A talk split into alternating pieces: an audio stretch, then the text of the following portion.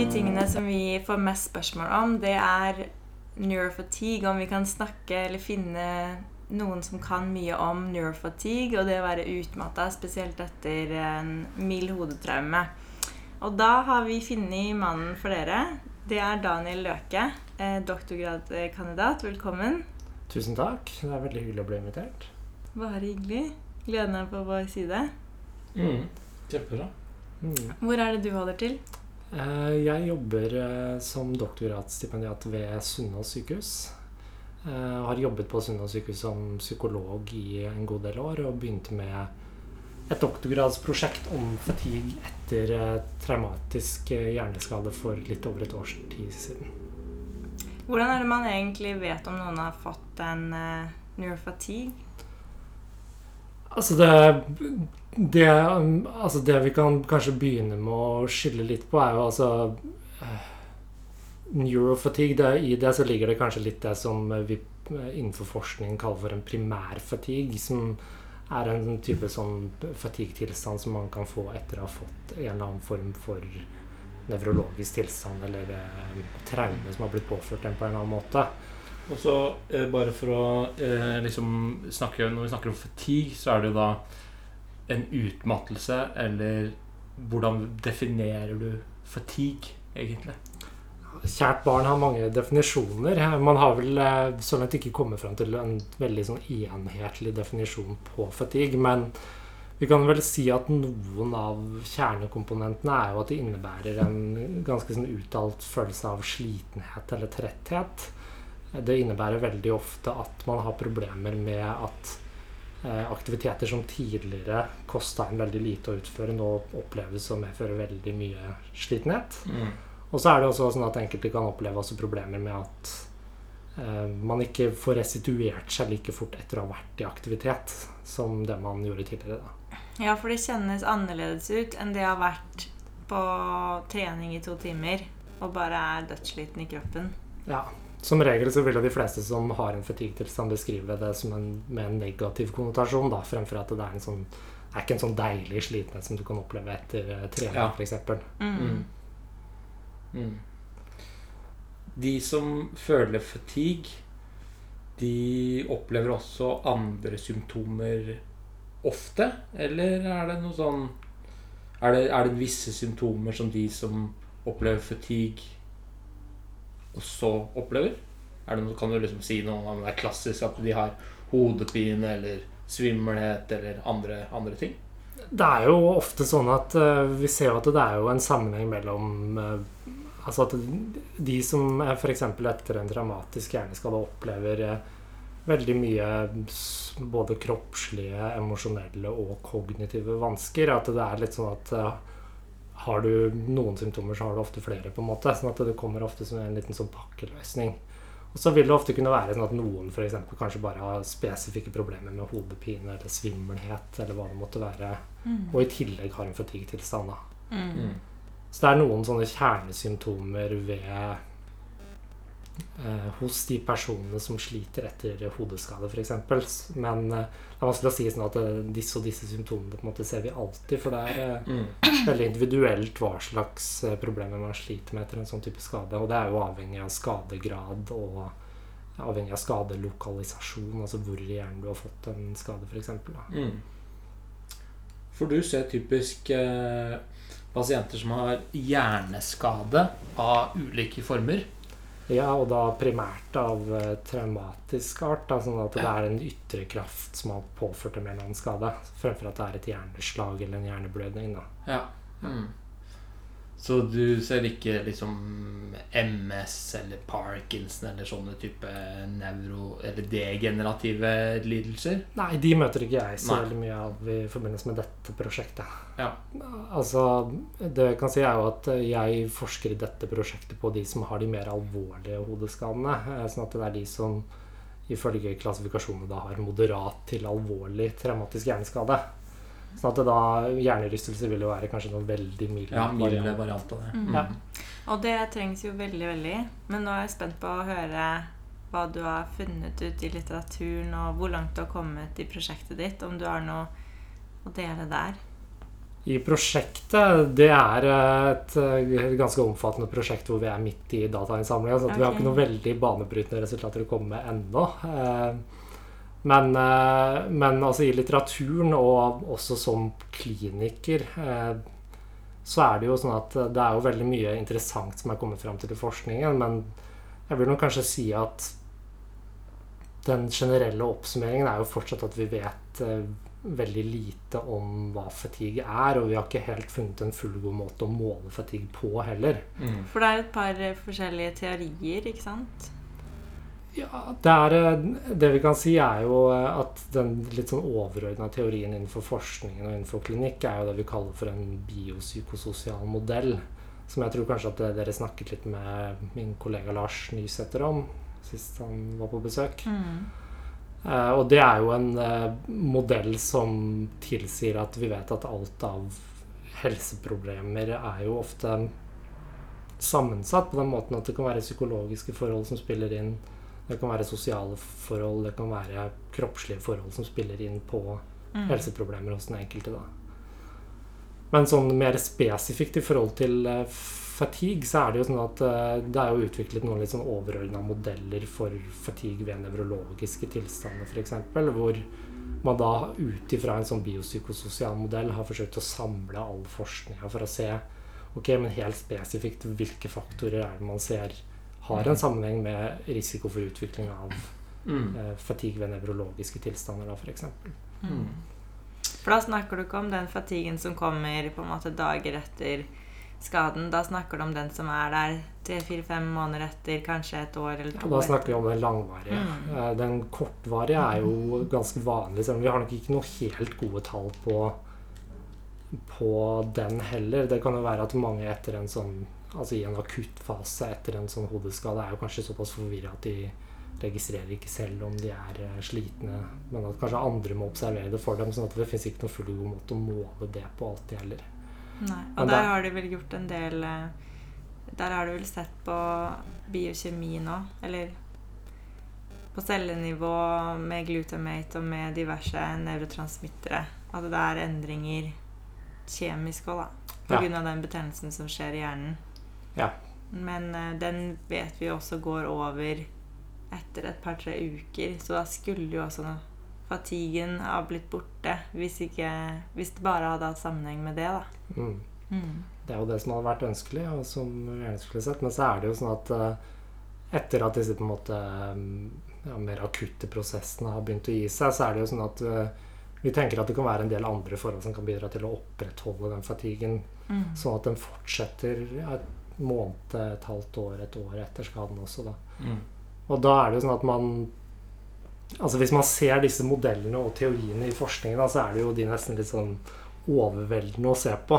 Eh, For det er såpass mange faktorer som man har forsket på og kommet fram til Mm. har en sammenheng, at man, eh, man lurer jo nesten litt på etter å ha sett disse modellene, har man egentlig blitt noe klokere? Mm. Ja. Men, eh, men det er jo sånn at det, hele poenget med det er jo at man må tenke på fatigue som en tilstand som er forårsaka av Som kan være forårsaket av forskjellige mekanismer hos forskjellige personer. Sånn at eh, det ikke nødvendigvis er sånn at vi på en måte vil finne én utløsende årsak for fatigue hos alle, men at det kanskje vil være mange veier inn i fatiguen. da, Mm. Og at det er mange faktorer som kan bidra til å opprettholde den fatiguen over tid. Mm. For det er sånn man ser i, i rehaben, at eh, vi har jo det, dette som heter sånn diffuse axonal shearing etter hjernerystelse eller hodetraume. Ja, nettopp. Sånn altså det blir en mikroskopisk eh, En sånn disconnection-syndrom. Altså du får Ja. en mikrotraume på disse lange nervefibrene i hjernen. Mm. Eh, og det ser vi jo vi ved ulike tester, som sånne hode-øye-tester eller det kan mange ting. Sannsynligvis så er jo disse skadene på andre steder i hjernen også, uten at man nødvendigvis har så enkle verktøy for å teste det. Ja. Men noen pasienter vil man se at det er relativt enkle, kall det, å, å behandle disse Eller rehabilitere disse eh, eh, kommunikasjonsbanene, da, rett og slett. Ja. Men så er det noen pasienter som er veldig ikke tåler noe rehab av en eller annen grunn. Altså, de tåler ikke å trene i det hele tatt, nesten. da. Mm. Og det, det er der det blir så vanskelig. Så de får liksom den, når, de, når de har den type fatigue, da, Mm. hvor det blir, alt blir ekstremt slitsomt og, og, og Så den er jo Det å finne balansen der, ja, når man skal pushe, når man skal hvile, den kan være litt vanskelig å finne. mm, Og spesielt hvis man da begynner å Hvis pasienten begynner å på en måte bli redd for aktivitet og redd for 'Å nei, nå kjenner jeg hodepinen kommer. Å nei, nå kjenner jeg pulsen gå opp. Tenk om jeg må ligge nå i flere dager i strekk da, for å komme meg. Hvis de begynner der, så begynner de jo også å jobbe litt mot seg selv. For da, da blir de veldig redd for alt. Ja, og da kan man jo også kanskje ende i den grøfta at man begynner å begrense seg selv for mye. Ja. Og, og der er det jo altså Jeg mener å huske at når dere snakket med Lars eh, på podkasten om postkomotio-syndrom, blant annet, at dere snakket litt om Buffalo treadmill test, blant annet. Mhm. Og, og, og det er jo sånn at eh, den typen tilnærminger er jo noe som antakeligvis det virker som kanskje kan ha noe potensial for enkelte. Og så er det jo sånn at eh, man, det, det kan jo virke som det er sånn at eh, noen også blir dårligere av å gradvis prøve å utfordre seg også over tid. Sånn at man har jo ikke helt knekt koden på hvem som vil Mm. kunne nyttiggjøre seg av hva slags behandling. da. mm, Ja. Ja. Og hva ville du sagt i forhold til det å eh, hvis, Nå vet jeg at du ikke har mest erfaring med hjernerystelser, men mer med alvorlige caser. da. Ja. Men hvis du skal si noe generelt i forhold til Ok, vi har en tobarnsmor som jobber eh, 100% stilling, og vanlig på en måte stressa hamster-wheel life. Litt i tidsklemma. Litt i tidsklemma, men eh, ja, skal få til ting. Mm. Så får hun eh, en hjernerystelse, og så er hun så sliten av Hun prøver å holde seg 100% jobb, men har, får masse symptomer, eller får litt symptomer, og må legge seg kanskje 8-9 om kvelden eh, bare for å holde tak i jobben, da. Eh, hva er dine råd i forhold til jobb, i forhold til trening, i forhold til ja, kosthold? Har du noe å bidra med der? Hva ville du sagt til henne i forhold til det å pushe seg eller hvile, eller hva hun skal bortprioritere av f.eks. Ja, det FAU-møtet. Det trenger du ikke å på en måte være med på nå. Eller Mm. skal du ned i 8% for et par uker? Eller hva ville vært dine råd der, da? må jeg kanskje komme med det litt sånn irriterende psykologsvaret, tror jeg, om at uh, her, er- det er litt vanskelig å kunne gi noen sånn generelle tips til en person som det. Og det, jeg tenker det kommer veldig an på uh, mange faktorer. For det, for det første så er det sånn at uh, vi må jo finne ut av hva som er viktig for denne personen i livet, og hva er det som er viktig for hennes identitet, og hva er det som måte, gir mestringsfølelse, og hva er det som gir glede i hverdagen hennes. Og så er det da også viktig å identifisere eh, både forhold ved jobben som kanskje gjør at den blir problematisk når hun da opplever disse problemene, og er det noe som f.eks. kan gjøres annerledes, Mm. sånn at hun kan Tilrettelegge på jobb? Nettopp. Som kanskje kan gjøre at hun kan nyttiggjøre seg av den kapasiteten hun har, på en bedre måte. Um, og litt av det vi ofte streber etter i um, møte med disse pasientene, er jo å prøve å finne ut av måter man kan klare å holde seg fortsatt i aktivitet på. Men selvfølgelig at det kanskje bør være noe restriksjoner på hvor mye du skal presse deg. For altså, mange med fatigue vil jo kunne oppleve at om man presser seg for langt, så kan man jo gå på en smell, og så kan det være at man kanskje blir helt slått ut i noen dager eller uker etterpå. Eh, Og der er jo noe av det vi prøver å tilstrebe, er jo en god aktivitetsbalanse. Hvor man da på en måte skal finne et nivå man klarer å legge seg på, og som man kan klare å utføre både på gode og dårlige dager, og så gradvis øke den, det aktivitetsnivået over tid. da. mm. Mm. Men det er jo en eh, kunst i seg selv å klare det på egen hånd. Og der er det nok en del som kanskje har behov for en litt sånn tverrfaglig tilnærming. For det kan være mange grunner til at man har problemer med å finne den balansen i utgangspunktet. da. Mm. Ja, fordi også sånn i forhold til eh, hode-hjerne-skader eh, ved, Så er det jo vanlig Eller det er vel relativt vanlig å utvikle, utvikle depresjoner og sånt i etterkant. Mm. Og der er det jo føle at det kanskje at det, Er det fatiguen, eller er det depresjonen i seg selv som driver fatiguen? Så hvis de eksempel um, Ja, altså Er det- det, vi er det høna eller egget? Ja, ikke sant? Ja, er det, er det, altså, det er jo kanskje noen ganger vanskelig å komme inn til pasienten, på en måte. Og hvordan, hvilke ord skal du angripe det? Hvis de er veldig opptatt av at det er fatiguen. Mens, eller, mens det er depresjonen som, som driver det, da, eller sånne ting.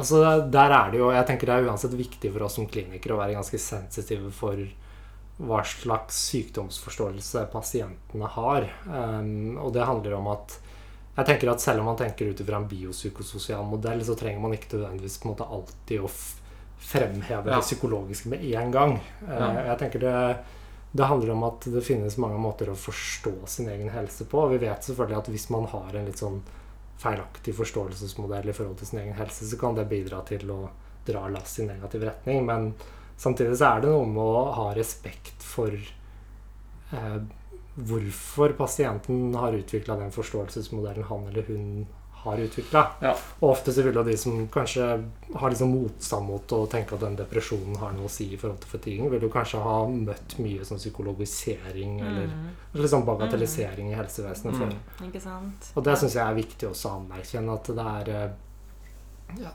At kanskje av og til så er vi helsepersonell litt for dårlige til å formidle nyansene i den biopsykososiale modellen. Og at vi ikke nødvendigvis tenker at det er depresjonen som er årsaken til fatiguen, men at når du har utvikla en hodeskade, så kan det være at depresjonen er det som um, som holder fatiguen i gang da videre.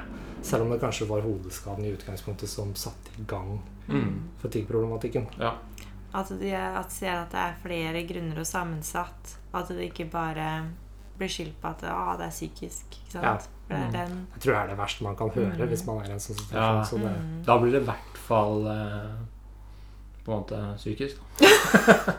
Men for noen så er det jo sånn at eh, noen pasienter er jo også veldig åpne for at eh, deres psykiske helse kan virke inn på fatiguen, og at det kanskje kan være det som man trenger å jobbe med. Mm. Sånn at jeg tenker man må eh, aller først kanskje finne ut av hva, hva er det den enkelte pasienten tenker om sin egen fatigue-problematikk, og hva er det de har lært gjennom deres erfaring med å prøve seg ut i hverdagen. mm. Mm. mm. Skreddersy det derfra. Ja. Men eh, du har jo jobba på Sunnaas, og er det noen forskjell på fatigue eh, hos barn versus voksne? Eller kvinner versus menn? Nå har jeg, jeg har jobbet veldig lite med barn, må jeg innrømme. Vi har jo en egen barneavdeling på Sunnaas eh, der de gjør en eksepsjonell jobb. Men eh, jeg har eh, aldri jobbet eh, klinisk med barn med ervervede hodeskader. Da. Men i Når det gjelder menn versus kvinner, så er det vel noe forskning som peker i retning av at at kvinner kanskje er noe mer disponert for å utvikle problemene. Men der er studiene veldig sprikende. Man har vel egentlig ikke Antageligvis har ikke kjønn en veldig stor effekt. I og med at eh, det er såpass sprikende resultater som det vi ser, da. Mm. Mm. Mm. Fordi um, Når det kommer til fatigue, da Har uh, utviklet barn Har du sett barn med fatigue? Sånn Det var bare sånn Har, har, har barn fatigue? Det er kanskje vanskelig å, vanskelig å vite. Da. Altså Barn har jo definitivt ikke gjort, fatigue. har, de, har de gjort studier på på en måte på fatigue hos barn med Ja. hjerneskader, tenker du på, eller? ja. Ja. Det har man, og man ser jo Ja. også at det er mye av de samme Da er det antageligvis noe av den Samme samme risikoen, og det, det er mye av de samme mekanismene man også forsker på hos barn. Mm. Selv om hos, eh, Og det gjelder vel kanskje når det gjelder forskning på um, helse hos barn med hodeskader generelt, at man der er man jo også ekstra opptatt av det sosiale miljøet rundt barnet og familien og Ja. Mm. støtteapparatet som fins rundt, og ikke minst skolen og Ja, venner. Og, Ja, ja. Mm. så der har man jo kanskje forsket mer på de sosiale mekanismene som kanskje kan bidra, uten Mm. at jeg er sånn veldig opplest på akkurat eh, barneforskninga på fatigue. da. Mm. Mm. For det er spennende å se på en måte hvordan et, et, for et barn som var to år eller noe sånt, hadde, hvor mye aktivitet de hadde hatt etter en, eh, en, en hjerneskade, da. Ja. Kontra noen som ikke var hjerneskadet. Eller hvor mye søkende og, og motivert de er for å utfordre omgivelsene sine osv. Ja. Vil jo tro det er eh, nesten nedsatt, holdt på å si. men, men Det kan man jo spekulere i. Ja, ja. så, ja. Mm. Mm. Men noe veldig klare svar har har jeg ikke akkurat der. Altså. Men, eh, men det er et veldig interessant felt, og jeg kommer nok sikkert etter hvert eh, som jeg også skal begynne å skrive artiklene om mitt eget prosjekt, og også gå litt mer inn i materien når det gjelder forskninga på barn. Da. Mm. Mm. Eh, Det er Nå, spennende. de yngste deltakerne i mitt prosjekt er 18 år gamle. Sånn at, Ja, ok. eh, Det er eh, Ja. 18-årsgrense på 18-årsgrense på prosjektet. Det er bare for voksne, dette. Eh, Men vet du om det er noe hormonell påvirkning? Eller om det er noe ernærisk man kan hjelpe til med fatiguen? Um, altså hormoner eh, Ut ifra det jeg har lest meg opp om angående det, så er det jo sånn at man ser jo at eh, etter hodeskade så er det sånn at en, tydeligvis en viss subgruppe kan utvikle eller visse typer hormonforstyrrelser som um, ja, de, de har så kompliserte navn at uh, det er vel hypopituitarisme blant annet. Uh, at man får høyt eller lavt stoffskifte Mm. osv. som enkelte kan utvikle etter en hodeskade. Og man har vel sett at eh, det kan være noe økt risiko for å utvikle fatigue blant de som da utvikler de hormonforstyrrelsene. Mm. Men samtidig der heller har man heller ikke klart liksom, å finne noe sånn én-til-én-forhold. Og det er enkelte som utvikler de forstyrrelsene som ikke opplever seg slitne i det hele tatt. Mm. Um, og det er det er Det er fordi det er, de har høyt stoffskifte. For eksempel. Men også de med lavt stoffskifte utelukkende, f.eks. Man har jo prøvd da Det er jo bl.a. gjort ett studie hvor de da har prøvd å korrigere det med medisiner. Ja. Eh, Men så ser man da at eh, det er ikke alle som blir bra da heller, på en måte, av den fatigue-problematikken. Ja. Så det er nok eh, litt av problemet med forskningen innenfor dette feltet, eller noe av det som er spennende, syns jeg, det er jo at vi finner noen sånne mekanismer, noen ting som vi tenker kan bidra, men, Mm. men det er liksom, vi finner ikke noe enkelt svar noe sted. Hva- Men mener du det fordi at det er eh, så sammensatt og det er vanskelig altså vi, For å ha god forskning så må man jo forske så spesifikt på et lite, en liten ting. Og så er det så mange faktorer. Eller mener du at det er for lite forskning enda? Litt begge deler, tenker jeg. Ehm, litt av motivasjonen for mitt prosjekt Nå skal jeg ikke drive og selge det altfor mye her, men jeg tenker mm, jeg har jo et prosjekt der jeg mer eller mindre ønsker å eh, følge opp så mange som mulig gjennom det første året etter hodeskade. Um, og da er det sånn at det vi er interessert i, er å kartlegge så bredt som overhodet mulig. Um, all, mange mekanismer som er identifisert i forskningen som potensielle risikofaktorer eller beskyttende faktorer for å utvikle fatigue. Da. Kan folk ta kontakt med deg eller for å bli med i det? Nei, dessverre så er det sånn at Nei, nei, vi Ikke kontakt med deg. Nei, eh, Nei, altså eh, ja, Vi har et eh, tett samarbeid med nevrokirurgisk avdeling og fysikalsk-medisinsk avdeling på Ullevål. Sånn at eh, det, det er en litt sånn nøye seleksjonsprosess der vi fortløpende følger opp alle de som får en skade på Østlandet da, Ja. Ja. eh, i løpet av eh, 2018 og 2019. Mm. Og som faller innenfor eh, visse kriterier som jeg ikke skal ramse opp her. Da. Ja. Spennende, spennende. ja, kult. Når regner du med å være ferdig? Ja? Jeg regner med at vi sikkert kommer til å være ferdig med selve undersøkelsen i prosjektet om kanskje halvannet til to år, vil jeg tippe. Mm. Du Daniel, hva tenker du i forhold til um, søvn? Altså hvordan søvn påvirker fatiguen, og hvor stor eh, vekt legger dere på det å gi råd rundt søvnhygiene? da? Ja, det er et eh, godt spørsmål. For det, er, eh, det jeg kan si eh, fra klinikken, er jo at når vi har, møter personer som har en fatigue-problematikk på Sunnaas, så er det jo sånn at vi er på en måte Vi har litt radaren ute hele det tverrfaglige teamet for å finne hvilke mekanismer tenker vi gjør seg gjeldende hos den enkelte pasienten. Og det er jo ikke alle som sliter med søvnproblematikk, men det kan være enkelte. Og da er det jo sånn at søvn vet vi jo kan være ekstremt viktig både med tanke på fatigue og smerter, som også er et litt sånn beslekta symptom ofte til fatigue. Og da vil det jo være essensielt at man kommer tidlig til å få gjort noe med den søvnproblematikken så fort som mulig. da. Ja. Eh, Men selvfølgelig, det er jo sånn at f.eks. for eksempel etter en hodeskade så må man jo også finne ut er det på en måte noen andre biologiske årsaker som bidrar til søvnvanskene som, Mm. som vi kanskje må få gjort noe med, eller som kan bidra inn i forståelsesmodellen vår av pasienten. Mm. Eh, Men så er det jo sånn at eh, hvis vi da ser at her er det en pasient som kanskje har utviklet litt dårlige søvnvaner og en dårlig døgnrytme f.eks., så er- prøver vi da så godt det lar seg gjøre å snakke med pasienten om å legge en plan rundt hvordan vi kan få gjort noe med den søvnen, sånn at den kan bli stabilisert. Og hva, hva kan det være? Det er jo, Når det gjelder eh, mye av det vi gjør, så er jo eh, Vi bidrar jo først og fremst med en form for sånn psykoedukasjon. Hvor vi da forteller litt pasienten hvorfor søvn er såpass viktig i forhold til den problematikken. Mm. Um, og så må vi også for, gjerne fortelle litt grann om uh, vanlige søvnvansker som vi tenker også kan være relevante for den enkelte pasienten. Mm. Og så er det jo noe å snakke om hvordan uh, vanene våre i forhold til søvn og tankene våre om søvn også kan påvirke um, søvnkvaliteten og påvirke evnen til å sovne når du legger deg nedpå. Ja.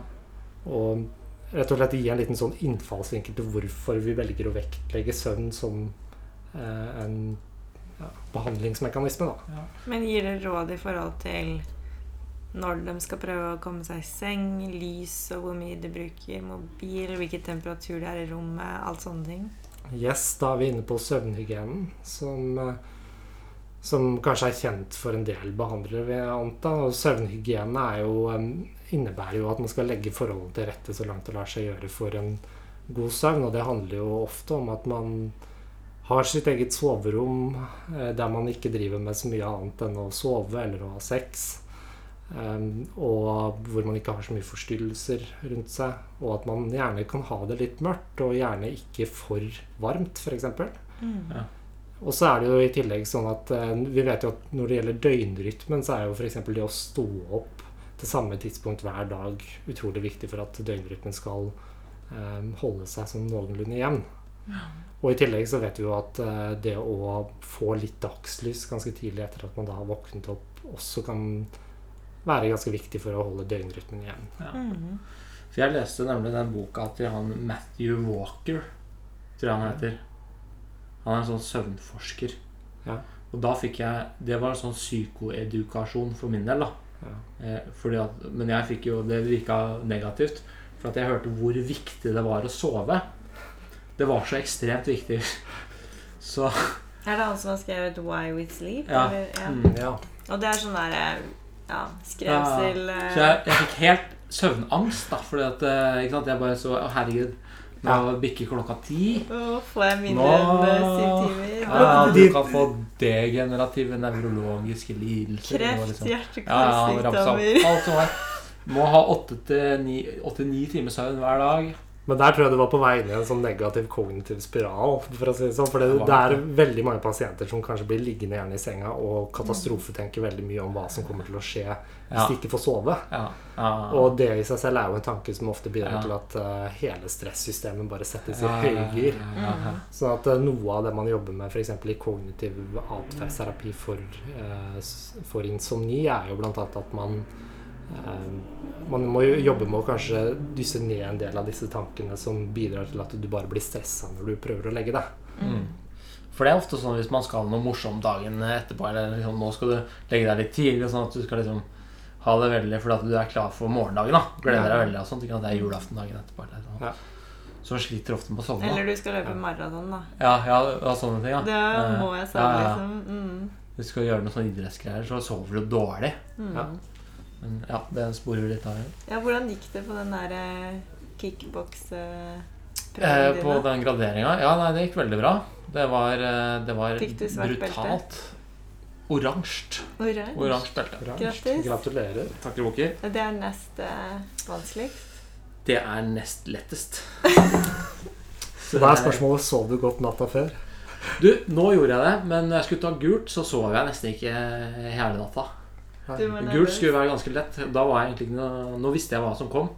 Og det, er, det var mye verre enn jeg Ja. Det er verre enn det jeg hadde forventa første gangen. da Mm. Men nå var jeg klar, på en måte. Så, Ja. Mm. Back to fatigue. Tilbake til fatiguen. Ja, ja, men jeg var ganske fatigued etterpå. Men det er jo noen ting som jeg tenker at det liksom må være på plass, da. Sånn, ikke sant? Som du snakket om. Lys. Vi må ha dagslys, og vi må sove, og vi må gjerne Uh, Du må Jeg vet ikke om dere adresserer noe sånn kosthold nå. Det er også veldig sånn kontroversielt felt, kanskje. Men, uh, men det fins jo sikkert eh, noen retningslinjer. Det var ikke noe mm, input på kosthold. eh, Dere går ikke noe gjennom det på Sunnaas? Vi har to ernæringsfysiologer som jobber på Sunnaas. Um, og det er nok sånn at akkurat når det gjelder fatigue, ut fra de artiklene som jeg har lest, så er det ikke noen sånn veldig spesifikke anbefalinger å gi der heller at det eller det burde du få i deg mer av, f.eks. Ja, Og mm. så vil det hjelpe på fatiguen. Men, eh, men der igjen så tror jeg kanskje det er Det vi kanskje er på utkikk etter, er jo at hvis det er noen store mangeltilstander Ja. der du av en eller annen grunn ikke får i deg nok av et eller annet, at da er det viktig å i få korrigert det på en eller annen måte, da. Mm. Ja. Bra. Ja. Er det noe du har lyst til å komme med? Noen innspill, noen oppfordringer? Ja, det var et eh, godt og åpent spørsmål. Um, altså jeg er jo selv ganske lidenskapelig opptatt av fatigue, og jeg tror nok at uh, Fatigens subjektive natur gjør at den blir eh, veldig vanskelig å forske på. Jeg tror kanskje det kan være litt sånn frustrerende både for pasientene som sliter med det, og for oss som behandlere. At vi, det er liksom litt sånn det er et sleipt symptom nettopp fordi vi har egentlig ikke noen god måte å måle det på, og vi har ikke noen god måte å behandle det på sånn enhetlig. Mm. Men eh, der er det jo Det som er viktig å understreke, er jo at eh, det finnes jo em, altså tverrfaglige tilnærminger og behandlingsmetoder der man har muligheten for å lage en litt mer sånn individualisert plan for den enkelte pasienten, der man kan måte peile seg innpå da, ok, akkurat for deg som person, hva er det som kan være gjeldende her? Kan det være sånn at uh, du sliter med søvnvansker, du er i tillegg deprimert, du har en litt sånn dårlig aktivitetsbalanse der du gjør altfor mye en dag og altfor lite den neste, f.eks., så er det noe med å liksom finne de mekanismene og sette inn støtet deretter, da. Og det tror jeg vi alle har så mye å jobbe med. Det er sånn balanse. Det er nesten sånne ekstreme pendler hele veien, føler jeg. I hvert fall de jeg kjenner, og i mitt eget liv òg, så er det på en måte Tequila shots, og så er det kale smoothie. Altså det er liksom Jeg har lyst til å spørre deg om hva du tenker i forhold til det med at det er veldig stor forskjell på mennesker generelt, og hvordan vi i dag prøver å sluse alle gjennom en veldig sånn A4-mal på hvordan livet skal se ut, og hvor mye aktivitet man skal være med på, og eh, hvilke krav man setter til seg selv, om det er realistisk egentlig, da, med de pasientene du ser, og de kommer inn, og så um, I hvert fall de lettere casene du har sett. Og så, hva er realistisk, og er det en del av populasjonen som er mer prone til å få fatigue fordi at de setter seg så høye Høye krav Høye krav, høye forventninger, da. Fordi samfunnet vårt er, er det jaget som jeg snakka om i stad. Jeg tenker Det er nok antageligvis noen eh, Kanskje en supergruppe av mange av disse pasientene som har litt utfordringer med at de kanskje ikke helt klarer å justere kravene til seg selv eh, etter en sånn type skade. Og at mye av det man da vil jobbe med psykologisk, vil jo være å finne nye måter å fortsatt klare å leve et godt liv på, selv om man kanskje ikke nødvendigvis har på en måte 150% som mange av disse pasientene beskriver, beskriver at de hadde før skaden. Da. At de på en måte var vant til å kunne jobbe 12-13 timers dager. Og, og at nå må de kanskje jobbe 7-8 timer, og det holder i massevis, og da er man utslitt. Mm.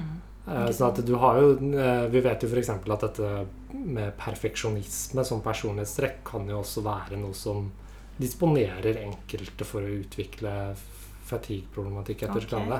Ok, Og det, det handler nok også da litt om at man har litt, eh, Kanskje litt sånn fastlåste forventninger til seg selv, der man tenker på en måte at man skal få til alt like godt som man alltid har gjort. Mm.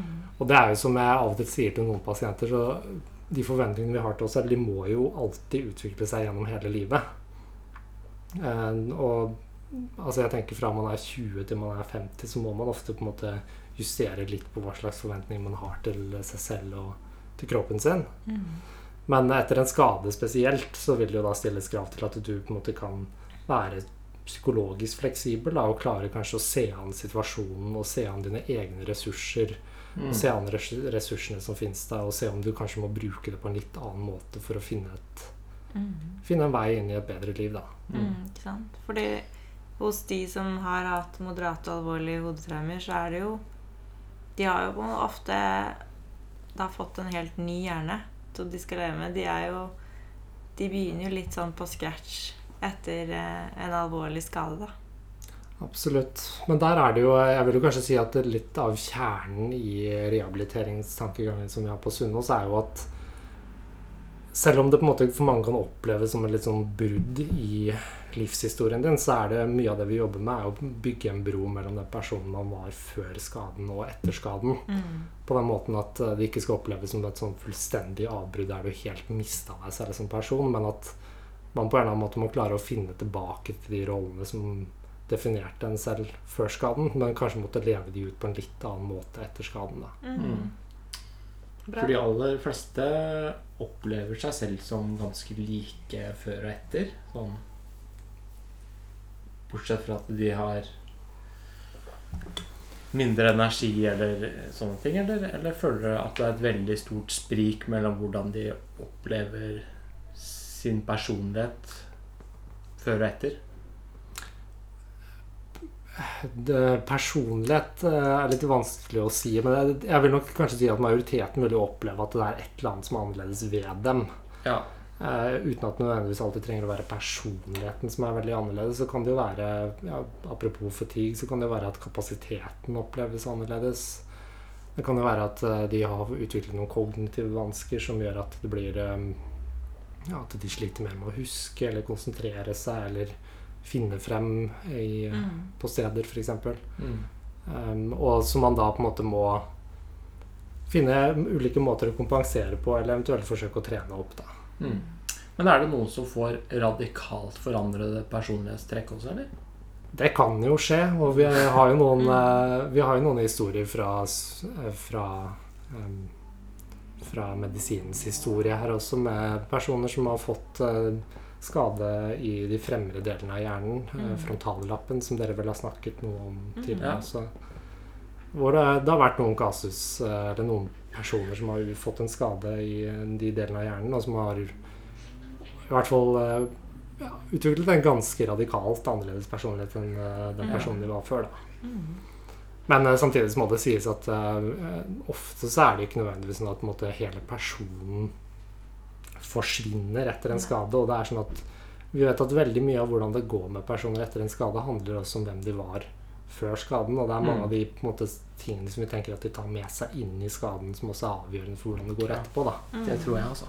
Mm. Og hvilke, hvilket nettverk du har, og hvilke ressurser som er rundt deg. Ja. Mm.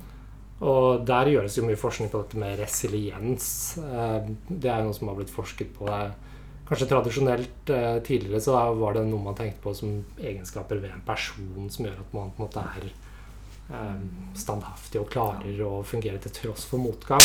Dette skal jeg klare. Ja. Yes, men eh, vi, vi forstår jo mer og mer at det er mye også på en måte nettverket rundt og støtteapparatet rundt eh, som bidrar også veldig mye til den evnen til motstandsdyktighet. Mm. Det er i hvert fall i forhold til eh, eh, avhengighet, da. Som er studert på veteraner i USA og sånn. Så er det jo eh, helt klart de som ikke ble opioidavhengige når de kom tilbake fra Vietnamkrigen f.eks. Det var jo de som hadde på en måte et veldig solid liv, hadde venner, familie som tok de med inn i, inn i livet igjen, da. Mm. Mm. At de ikke ble, ble sittende. Så det er veldig interessant hvordan også da smerte og eh, avhengighet utspeiler Altså alt kommer tilbake til Mm. hele pakka, da, er viktig. Ja.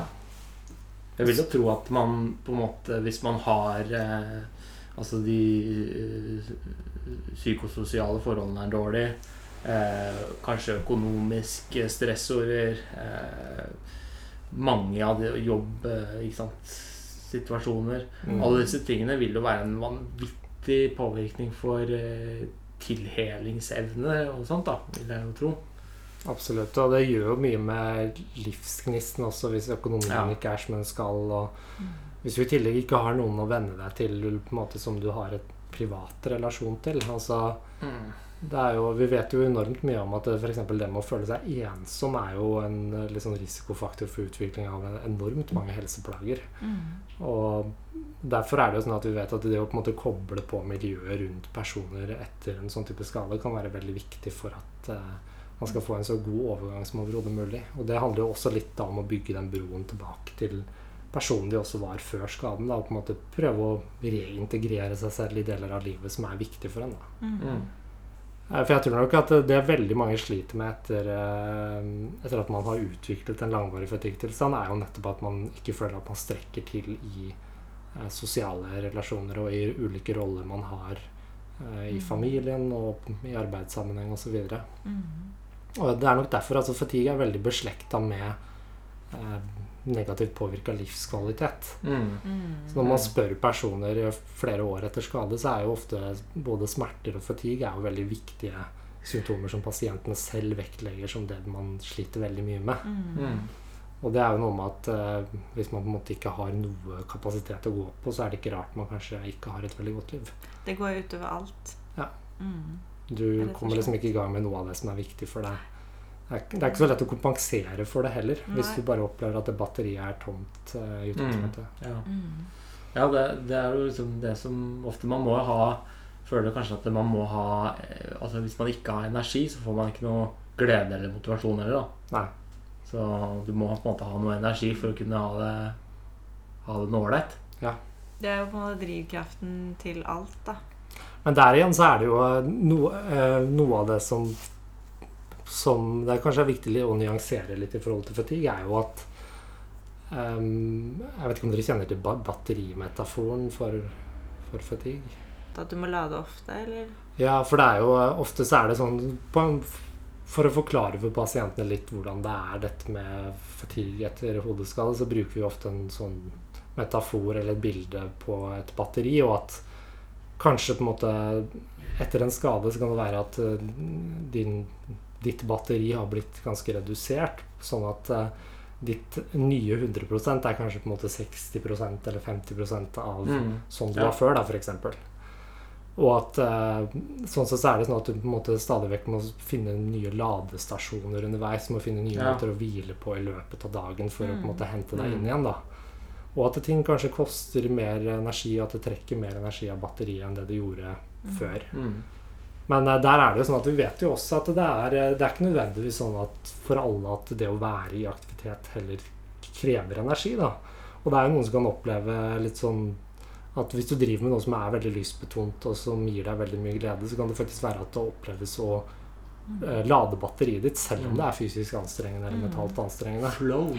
Ja, At man kommer inn i en flow, rett og slett. Og for noen så er det Det er jo eh, veldig spennende å se. Altså, for noen så kan det være sånn at eh, ting som egentlig er ganske fysisk eller mentalt krevende, faktisk også lader batteriet. da. Mm. Det er så sjukt spennende. Mm. Det er helt sånn Det er helt vanvittig, egentlig. Liksom når du tenker på det. Hvordan noen ting du kan gjøre, bare gir Ja. Gir energi, Energi, og noe tar liksom bare etter fem minutter. Mm.